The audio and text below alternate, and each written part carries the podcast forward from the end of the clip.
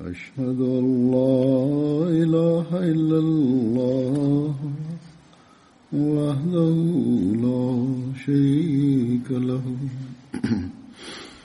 وأشهد أن محمدا عبده ورسوله أما بعد فأعوذ بالله من الشيطان الرجيم بسم الله الرحمن الرحيم الحمد لله رب العالمين الرحمن الرحيم مالك يوم الدين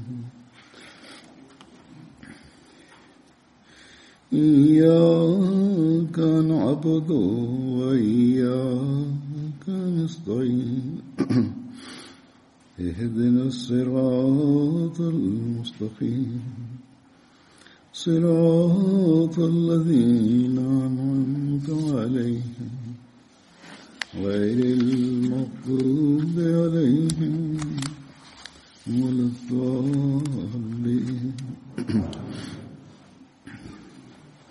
إنما يعمر مساجد الله من آمن بالله واليوم الآخر وأقام الصلاة وآتى الزكاة ولم يخشى إلا الله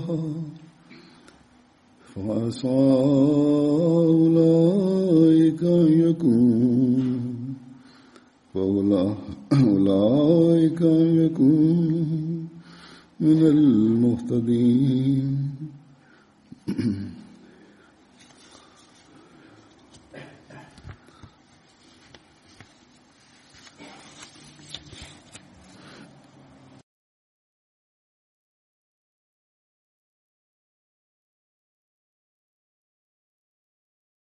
rahim, Hazur kaže, poslije dugog vremena uzvišeni Allah je blagoslovio i omogućio džamatu u Francuskoj da otvori još jednu džamiju u gradu Strasburg.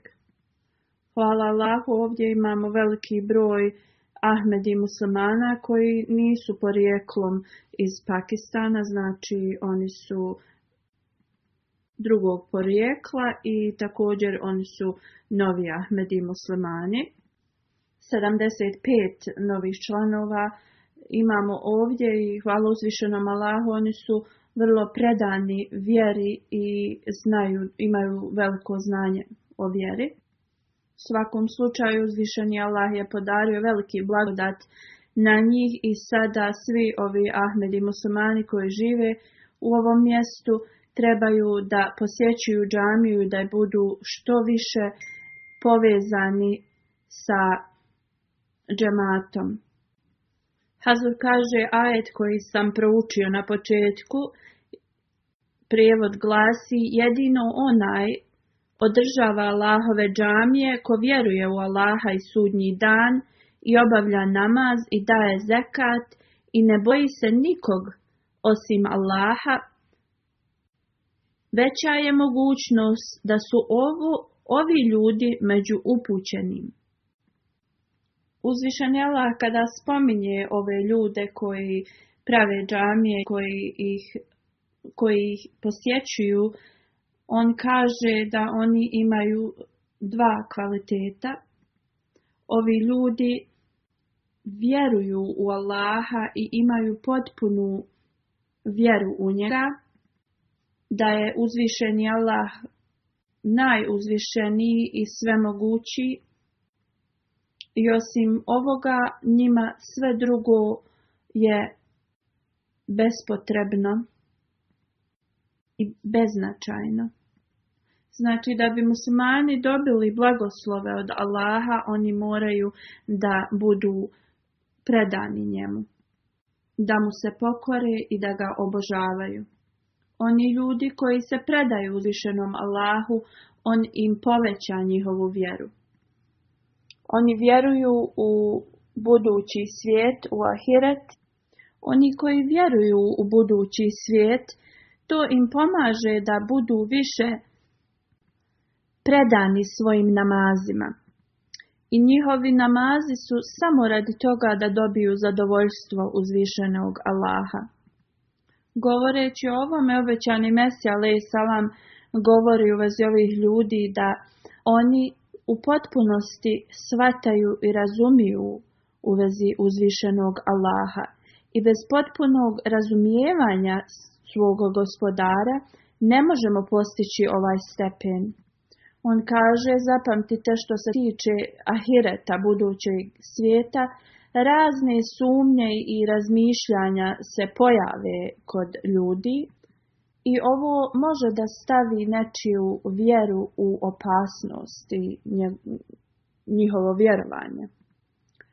On kaže istinski vjernici su oni koji dolaze u džamije da klanjaju namaze, ali također vjera u vezi ahireta i budućeg svijeta – oni nikada nemaju sumnje u to. Oni znači potpuno sa svojim razumom i srcem vjeruju u budući svijet.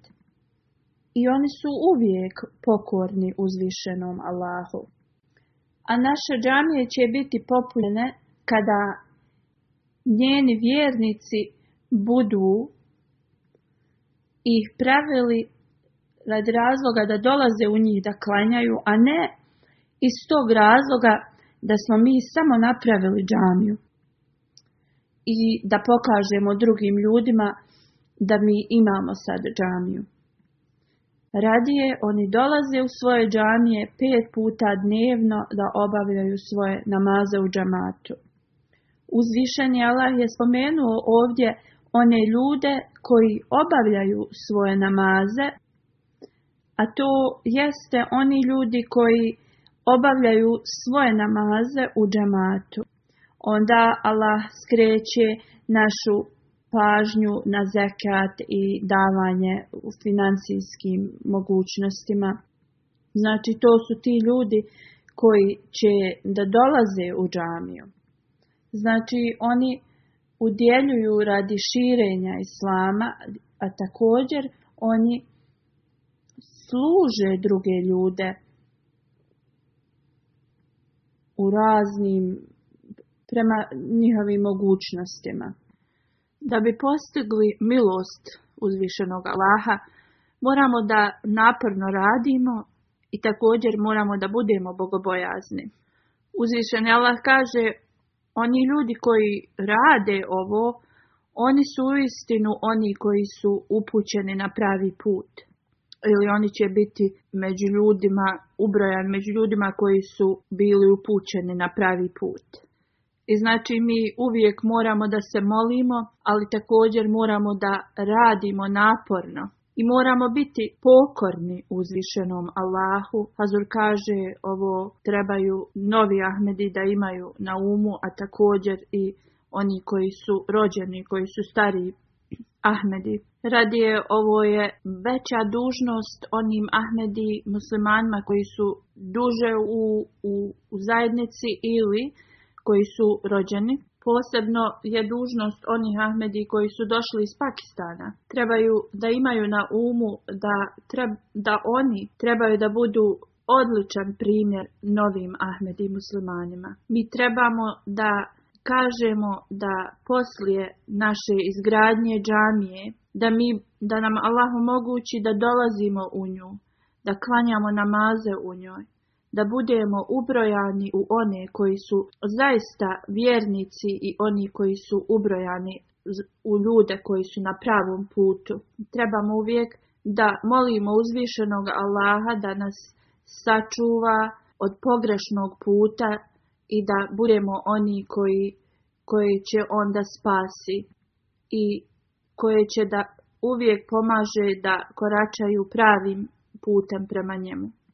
A naš nijet da uvijek bude onaj najčistiji i, i najpredaniji nijet.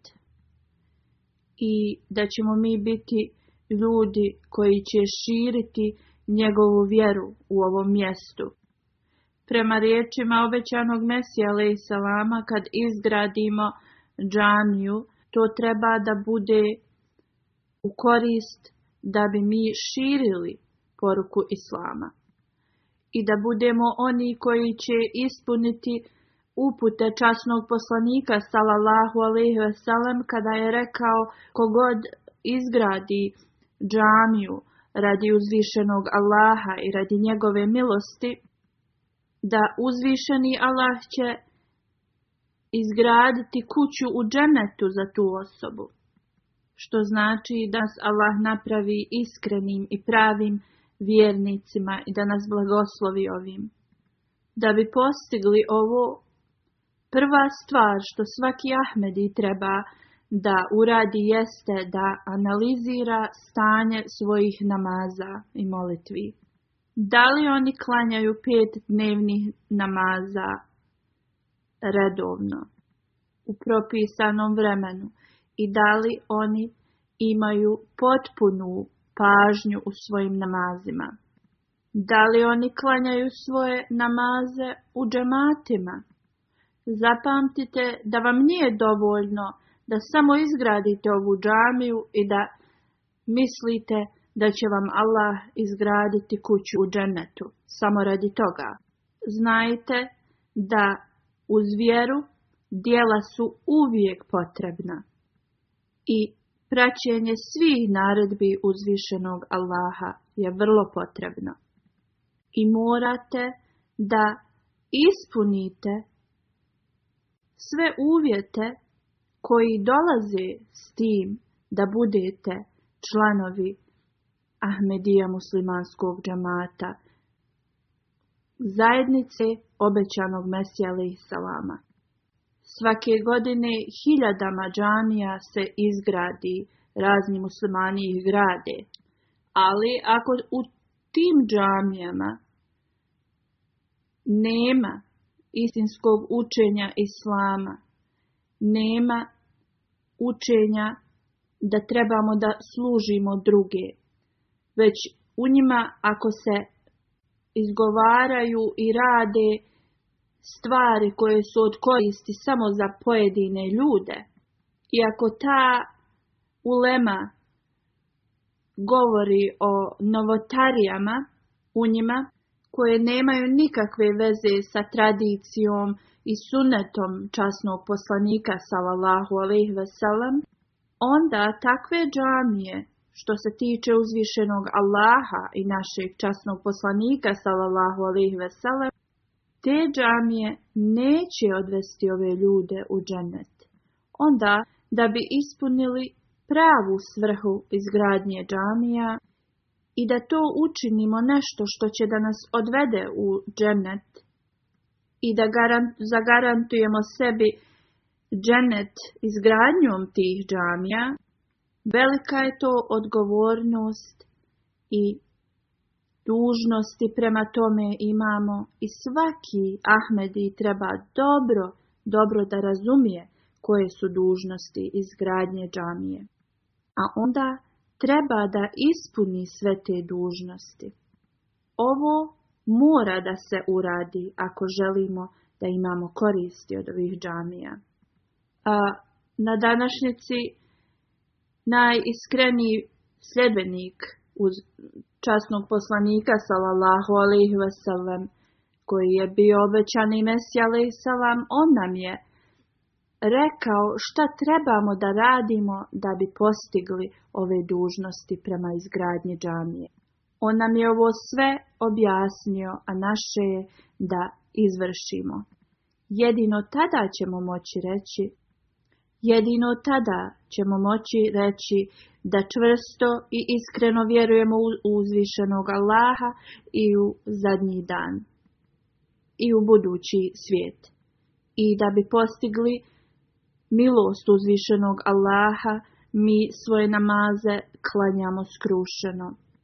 I mi udjeljujemo svoju um, imovinu i tako ispunjavamo naše dužnosti prema Allahovim stvorenjima.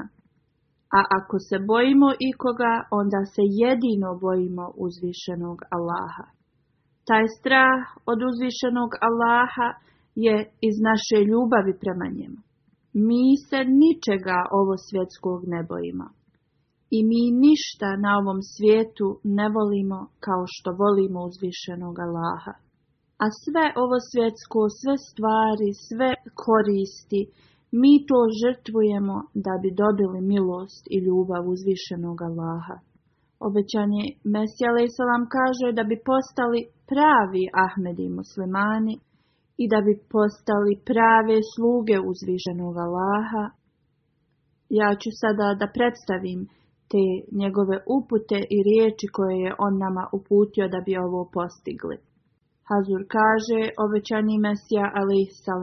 govori, da sve blagodati koje nam je uzvišen Allah podario kao naše ruke, naše oči, uši, vid, sve ovo je on nama podario iz razloga da bi koristili u dobre svrhe. Znači, kad budemo sve ovo koristili u dobre svrhe, ispunit ćemo to, te blagoslove koje nam je Allah dao kroz, kroz ove naše organe. Znači, Allah nam je dao oči ne iz razloga da mi gledamo loše stvari i, i to, da on nam ih je za dobru korist, tako za sve ostalo. On kaže kad aflahal mu'minun, sa ulajke humul muflihun. Znači, Allah nam govori kvalitete pravi vjernika i govori nam da ovo su ljudi koji su uistinu uspješni ljudi. Oni ljudi koji koračaju putem bogobojaznosti. I nekada ako njihovi namazi postanu kao opušteni u tom nekom smislu, oni se vraćaju u onu prvu, prvo stanje, to jeste ono skrušeno molenje. Ako imaju ikakve misli u toku tih namaza, oni to uklone također i predaju se tom namazu u potpunosti, ono što im je Allah dao kao blagoslov tu imovinu, oni to troše na Allahovom putu, oni vjeruju u Allahove objave, u Allahov Kur'an i knjige prije njega i oni postignu tu potpunu vjeru i ovo su ljudi koji su upućeni. To su ljudi koji idu naprijed i to su ljudi koji će ovim načinom stići do uzvišenog Allaha. Ovo su ljudi koji će biti uspješni ljudi, koji će postići svoj cilj. I sve stvari koje su loše na tom putu, Allah će ukloniti od njih. I on kaže, na samom početku uzvišeni Allah nam je rekao u vezi bogobojaznosti i dao nam je knjigu u kojoj se savjeti u vezi bogobojaznosti i pobožnosti često spominju. I on kaže, članovi ove zajednice trebaju da se non stop zapitaju da li oni praktikuju pobožnost i bogobojaznost, da li je to prisutno kod nas? Kako osoba može da vidi da li je postigao bogobojaznost ili nije u svom srcu? Objašnjavajući ovo, obećani Mesija kaže, on kaže uzvišen jala spominje u Kur'anu da bogobojazni ljudi su oni koji su skromni i skrušeni i oni takvim oni tako hodaju po zemlji. Vrlo su ljubazni, oni su blagi, oni nemaju nikakve ljutnje u njima i oni nisu ponosni. Njihov govor je čist, oni žive svoj život ovako, oni znaju da ovo ova naša pobožnost, bogobojaznost da to Allahu ne treba, da to nama treba i da ćemo za to biti nagrađeni. On dalje kaže časni poslanik sallallahu alejhi ve sellem ili Ibrahim alejhi selam, oni nisu naslijedili ni od koga ovu pobožnost i bogobojaznost i ovu dobrotu. Iako mi vjerujemo da otac od časnog poslanika sallallahu alejhi ve Abdullah da on nije bio božac on nije pripisivao druga uzvišenom Allahu, ali on također nije bio poslanik da, da bi poslanik sallallahu alejhi ve od njega naslijedio ovo. Ovo je bio blagoslov uzvišenog Allaha na poslanika sallallahu alejhi ve Zbog njegovog ponašanja i zbog njegove prirode Zbog toga je Allah u njemu dao ovaj blagoslov. Onda ako pogledamo na stanje Ibrahima a.s. On, on je znači nije rekao da neće da žrtvoje svoga sina kad je bilo naređeno. I zbog toga je Allah podario njemu sve blagoslove koje su mu dati. Ako pogledamo isto u život časnog poslanika sallallahu alejhi ve šta je on morao da žrtvuje i kroz šta je morao da prođe ali on nikada nije posustao i on je uvijek bio bogobojazan i predan uzvišenom Allahu i zbog toga uzvišeni Allah mu je podario sve ove blagoslove koje je dobio u časnom Kur'anu stoji inna Allahe ve tehu yusallune ala nebiji ja أيها amenu sallu صلوا wasallimu wasallimu, teslima. Allah i njegovi meleki šalju milost na vjerovjesnika, ovi koji vjerujete i vi prizivajte blagoslove, salavate na njega i mnogoga pozdravljajte selamom. Znači nama je naređeno ako želimo da se da naše dove budu i namazi primljeni, onda trebamo da učimo salavate na poslanika sallallahu alejhi ve A molitve koje su rađene bez salavata one nisu primljene. Znači da bi dobili blizinu uzvišenog Allaha i, i odgovor na naše molitve i dove, salavati su vrlo važni. I onaj koji uči salavate na časnog poslanika salalahu alaihi veselam, ta osoba će također da razmišlja na, na, da prati primjer časnog poslanika salalahu alaihi veselam. Kako se on molio uzvišenom Allahu i šta, šta je on naredio svojim sedbenicima. On je rekao da namazi su svjetlost mojim očima. A također nam je dao primjer koje su naše dužnosti prema čovječanstvu. On nikada nije mario kako je njemu, šta je, na primjer, ako bi dobio blaga kao jednu ogromnu planinu, on to ne bi za sebe ostavio, to bi on dijelio drugima. Ako bi neko došao za pomoć, nikad ga ne bi vratio praznih ruku ili bez pomoći uvijek je bio predan da služi Allahovim stvorenjima. Znači, oni koji uče salavate na časnog poslanika salalahu alaihi veselem, onda ti isti ljudi moraju da koračaju njegovim stopama, da, da rade ono što je on nama pokazao. Kad ovo upotpunimo, onda će uzvišeni Allah da primi naše dove. Jedino tada ćemo postići Allahovu blizinu i tada ćemo biti ubrojani one ljude koji idu putem pobožnosti i bogobojaznosti i bit ćemo ubrojani među onim ljudima koji su uspješni. Ovećani Mesija vam kaže, ako samo idete i pričate i govorite, a ništa ne radite od toga što govorite, onda nema nikakve koristi u vašim riječima da bi dobili pobjedu, vrlo je i podmoranje da imate bogobojaznost. Ako vam je pobjeda potrebna, onda postanite bogobojazni ljudi. A najveći stepen bogobojaznosti jeste da vi prepoznate istinski svoga gospodara. A Allah je taj koji daje ljudima da izvršavaju i da budu vjernici i da, da da izvršavaju njegove naredbe. Obećani Mesija onda govori šta je to namaz i kako istinski iskreni namaz treba da izgleda.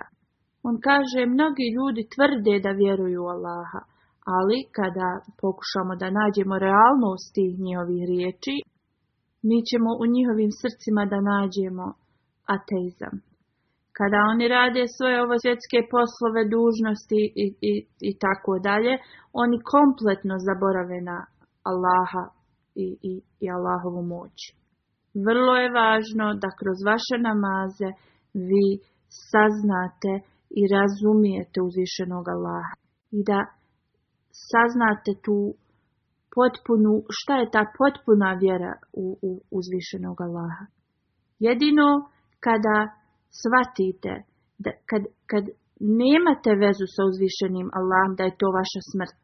Znači, nemati tu vezu, tu konekciju sa svojim gospodarom, znači smrt osobi. A da bi se sačuvali grijeha, morate da budete bogobojazni i morate da pratite Allahova naređenja. Znači, morate da radite svoje namaze, ali također morate da ispunjavate dijela. Znači, sve, svaki sastanak, sve u životu morate da ne radite. Ako na tim sastancima ili bilo čemu nešto vas navodi na grijeh. Da li to bili TV programi, da li to bilo neki skupovi, bilo šta, morate da vidite da li vas to navodi na grije.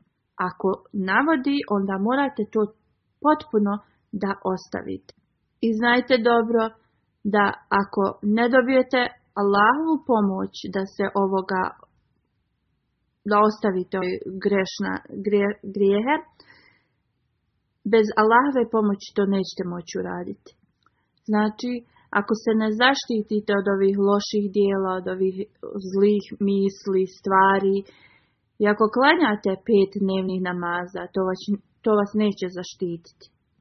Značenje namaza nije jednostavno da, da stavljate svoje čelo na, na, na tlo. Namaz je to kada ga osjetite sa svojim srcem. Kada se vaša duša i vaše cijelo biće istopi ispred staje, stojenja ispred svog gospodara. Kada se u njima predate potpuno svome gospodaru i kada se sa svojim srcem, umom i svi molite svome gospodaru, a sve što je loše i zlo zaustavite u, tom vremenu. To je namaz od kojeg ćete imati koristi. I onda ćete vidjeti da i danu i noću neka svjetlo se spušta na vaše srce a onaj dio vašeg bića koji duše koji nas navraća na loše i na zlo, to polako nestaje. Kao što zmija ima otrov, tako onaj dio našeg bića koji nas navraća na zlo, u, u tom je poređenju, to je taj otrov u nama, a uzvišen je Allah je onaj koji nam može dati lijek za ovo znači samo od uzvišenog Allaha trebamo da, da tražimo da nas riješi toga što nas navraća na zlo. Obećani Mesija govori svrhu i esenciju namaza. On kaže bez namala ne možemo da, da ispunimo uvjete našeg vjerovanja i vjere. Morate da shvatite kad ste nam namazu da, da kažete sami sebi da tad stojite ispred svoga gospodara uzvišenog Allaha i da ste skromni, skrušeni ispred njega, da molite blagoslove njegove. Obećani Mesija kaže, ja sam razmišljao e, koja je razlika između molitvi i koja je razlika između namaza, kao koja je razlika između dovi i, i namaza. On kaže, kad čovjek se samo moli za, za ovo svjetske koristi, za nešto, to nije namaz. Znači, ako osoba plaće ispred uzvišenog Allaha na seždi i samo moli nešto što je vezano za ovaj svijet, to u istinu nije onaj pravi, pravi namaz. U našim namazima mi to trebamo da, da molimo, da plačemo ispred uzvišenog Allaha samo radi njegove ljubavi, radi njegove milosti, da, da Allah nam podari da mi možemo da njega upoznamo. Znači moramo da pokušamo da dobijemo to Allahovo zadovoljstvo i milost na nas. To je pravi namaz. Naravno stvar da mi možemo da se molimo poslije toga bilo šta što je vezano za ovaj svijet i, i tako dalje. Ali prvo što moramo jeste da molimo Allaha za njegovu naklonost i milost na nama. Znači, pravo značenje namaza jeste to kada osoba uspostavi vezu između svog gospodara i sebe. Znači, kad to uspostavimo, to je pravi namaz. Znači kad uspostavimo tu blizinu sa svojim gospodarom, to je pravi namaz. I kada nas zaustavi da radimo bilo koje grešna djela, znači šta god je nešto protiv naše religije, kad nas taj namaz zaustavi, to je prava esencija namaza. Nekada ove, ovo svjetske stvari i, i tako te neke potrebe to postane prepreka ljudima da postanu bogobojazni i da usavrše svoje, svoju vezu sa gospodarom. Znači mi uvijek moramo prvo da bude naš cilj da uspostavimo vezu sa svojim gospodarom, da, da izazovemo njegovu milost i da smo predani njemu i onda sve ostalo ovo svjetsko je u redu i da se i na to baziramo. On kaže riječ salat to, treba, to pokazuje da, da se vaša duša topi ispred vašeg gospodara. I to, to je, non stop to trebamo da držimo u svojim namazima. Kad nekako osjećamo stanje smrti u, u, u tom smislu, to je onaj iskreni i pravi namaz. Znači, da bi ovo postigli, moramo da damo velike napore i, i svoj, svoj trud za ovo. I da nam uzvišenje Allah ovo podari da, da možemo da uradimo. Onda obećani Mesija Lesalam kaže, ako vi tvrdite da imate potpuno vjerovanje, a vi ne klanjate pet dnevnih namaza, neki ljudi klanjaju dva, tri namaza i to, onda to je neispravno. Jer korijen vjerovanja i vjere jeste u namazima.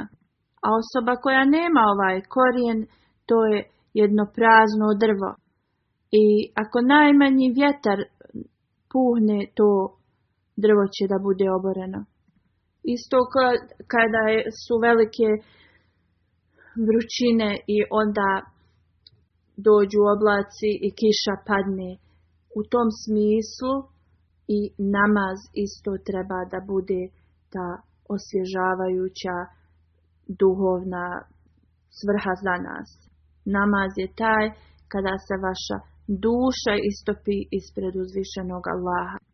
Namaz, naši namazi nisu potrebni uzvišenom Allahu. I, ali nama su potrebne namazi. Neki ljudi govore kao zašto, Allah, zašto Allahu trebaju naši namazi. On kaže ovi smiješni ljudi u tom smislu. E, Allahu ne trebaju vaše molitve i vaši namazi, ali vi imate potrebu da se molite uzvišenom Allahu. Tako da uzvišeni Allah može da obrati pažnju na vas, da vas sačuva Allah od svih loših stvari. Ne samo da vam da Allah blagoslove, već Allah vam oprašta loše stvari. Također je spomenuto u vezi osoba koje dođu u džamiju prije namaza i čekaju, čekaju da, da počne namaz. U vezi njih je spomenuto da su ti ljudi koji i u tom vremenu ubrojani su kao one koji se mole. Znači oni ljudi koji sjede i rade zikr u, u tom vremenu dok čekaju namaz, Allahovi meleci, oni oni se mole za njih. Oni kažu, o Allahu, imaj milosti na ovu osobu i prihvati njihova pokajanja i prihvati njihove molitve. Znači, vidite samo tu taj blagoslov i korist koju osoba dobije kad, kada dođe da, da se ne samo u namazu tu blagoslov da će da dobije, već i to vrijeme dok čeka da namaz počne, da se meleci Allahovi mole za takve ljude. Kako onda mi da se odužimo uzvišenom Allahu, na koji način, za ovoliku blagos, blagodat koju nam on pruža. Pet puta dnevno trebamo da dolazimo u džamije i da ih napunimo. Obećani Mesija vam je rekao svrha religije je da uspostavimo jedinstvo, da napravimo ljude da budu ujedinjena zajednica. On kaže Allah želi da svo čovječanstvo postane kao jedna, jedna osoba. Vahdati džemuri, to jeste ona kompletna jedinstvo, da postignu kompletno jedinstvo, ujedinjenje. I oni postaju smatrani kao svi ti ljudi koji dođu sjede zajedno kao postanu kao jedna osoba. I to je svrha religije da se svi ljudi ujedine i postanu kao jedna. A namazi koji su koji se klanjaju u džamatu, to je primjer to, te tog jedinstva. I naređenje da stojimo rame uz rame, to jeste da oni koji su slabi jednostavno jedni druge potpomažemo u, u namazu. Također, svrha hađa jeste da pokažemo tu jedinstvo ljudi. Uzvišen Allah nam je naredio da dolazimo u, u džamije, da, da se moralni primjeri budu postignuti i da zajedno odstrane sve, znači, nedostatke i da se ujedini i ovo će da poveća ljubav jedan, jedni prema drugim.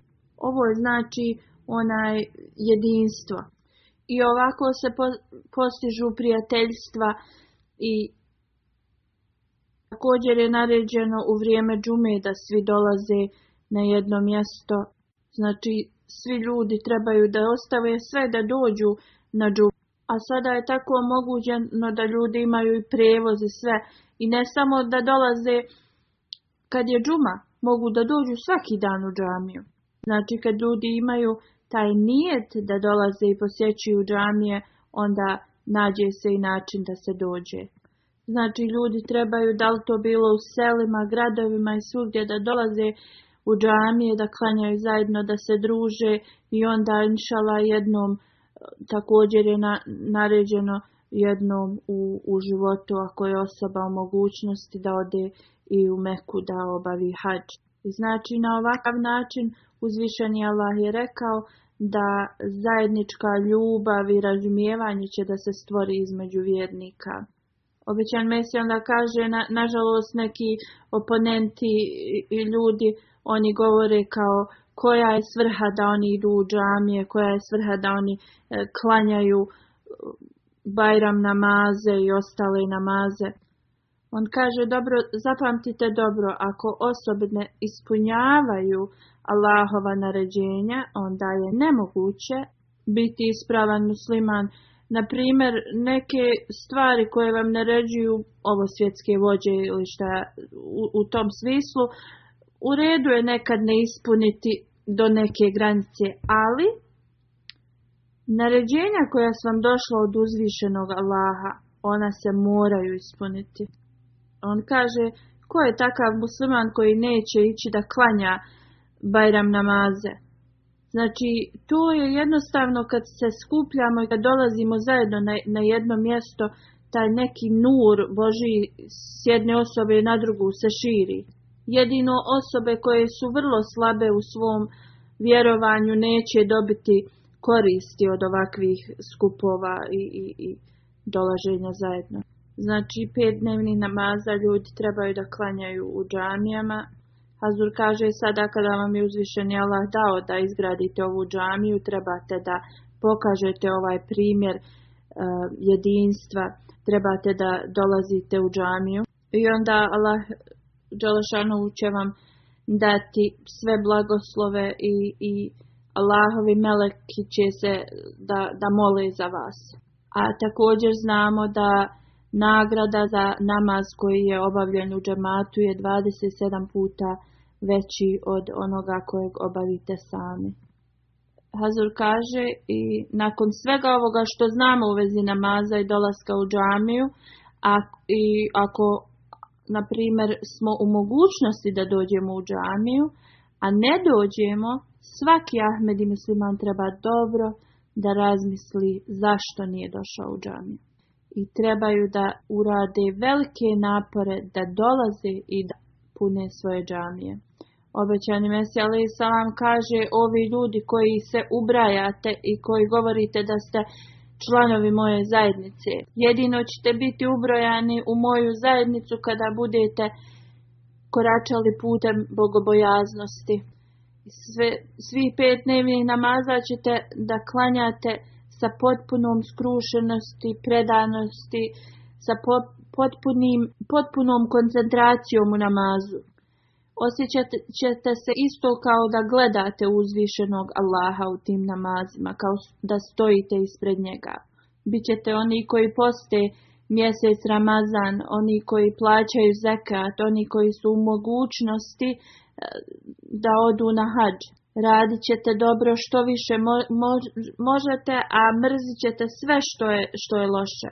A dobro znajte, nijedno dijelo ne dolazi do uzvišenog Allaha ako u njemu nije bogobojaznost.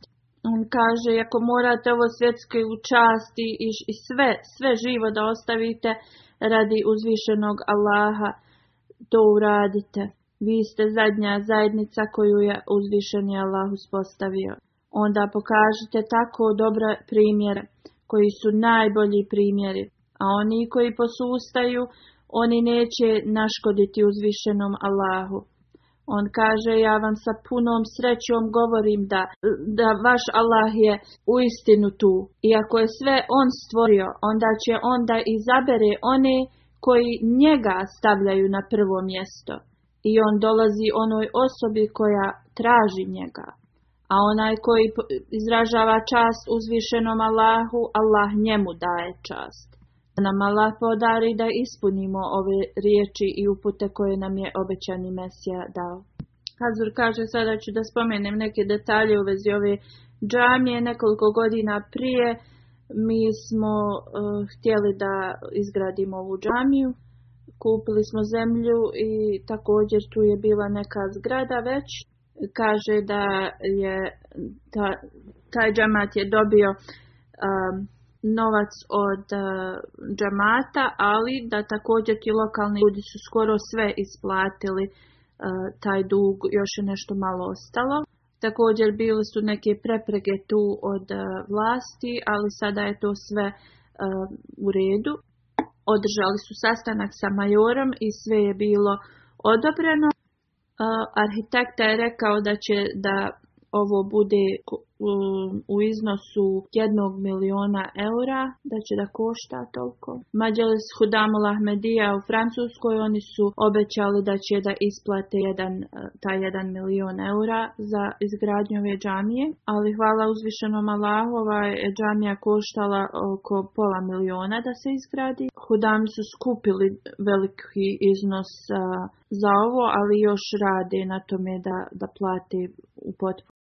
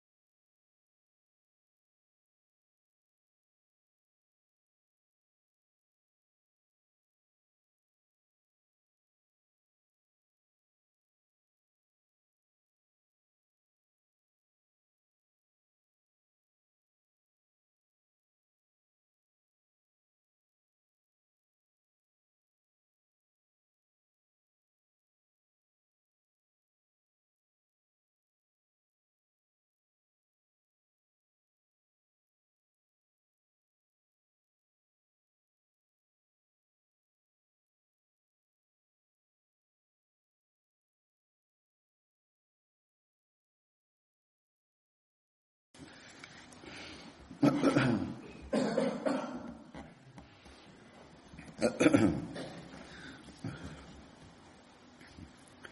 لله الحمد لله نعمد ونستعين ونستغفره ونؤمن به ونتوكل عليه ونعوذ بالله من شرور انفسنا ومن سيئات أعمالنا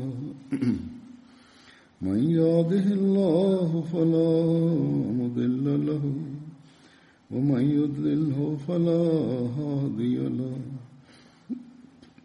ونشهد أن لا إله إلا الله ونشهد أن محمدا عبده ورسوله عباد الله رحمكم الله إن الله يأمر بالعدل والإحسان وإيتاء ذي القربى وينهى عن الفحشاء والمنكر والبغي يعظكم لعلكم تذكرون اذكروا الله يذكركم وادعوه يستجب لكم ولذكر الله أكبر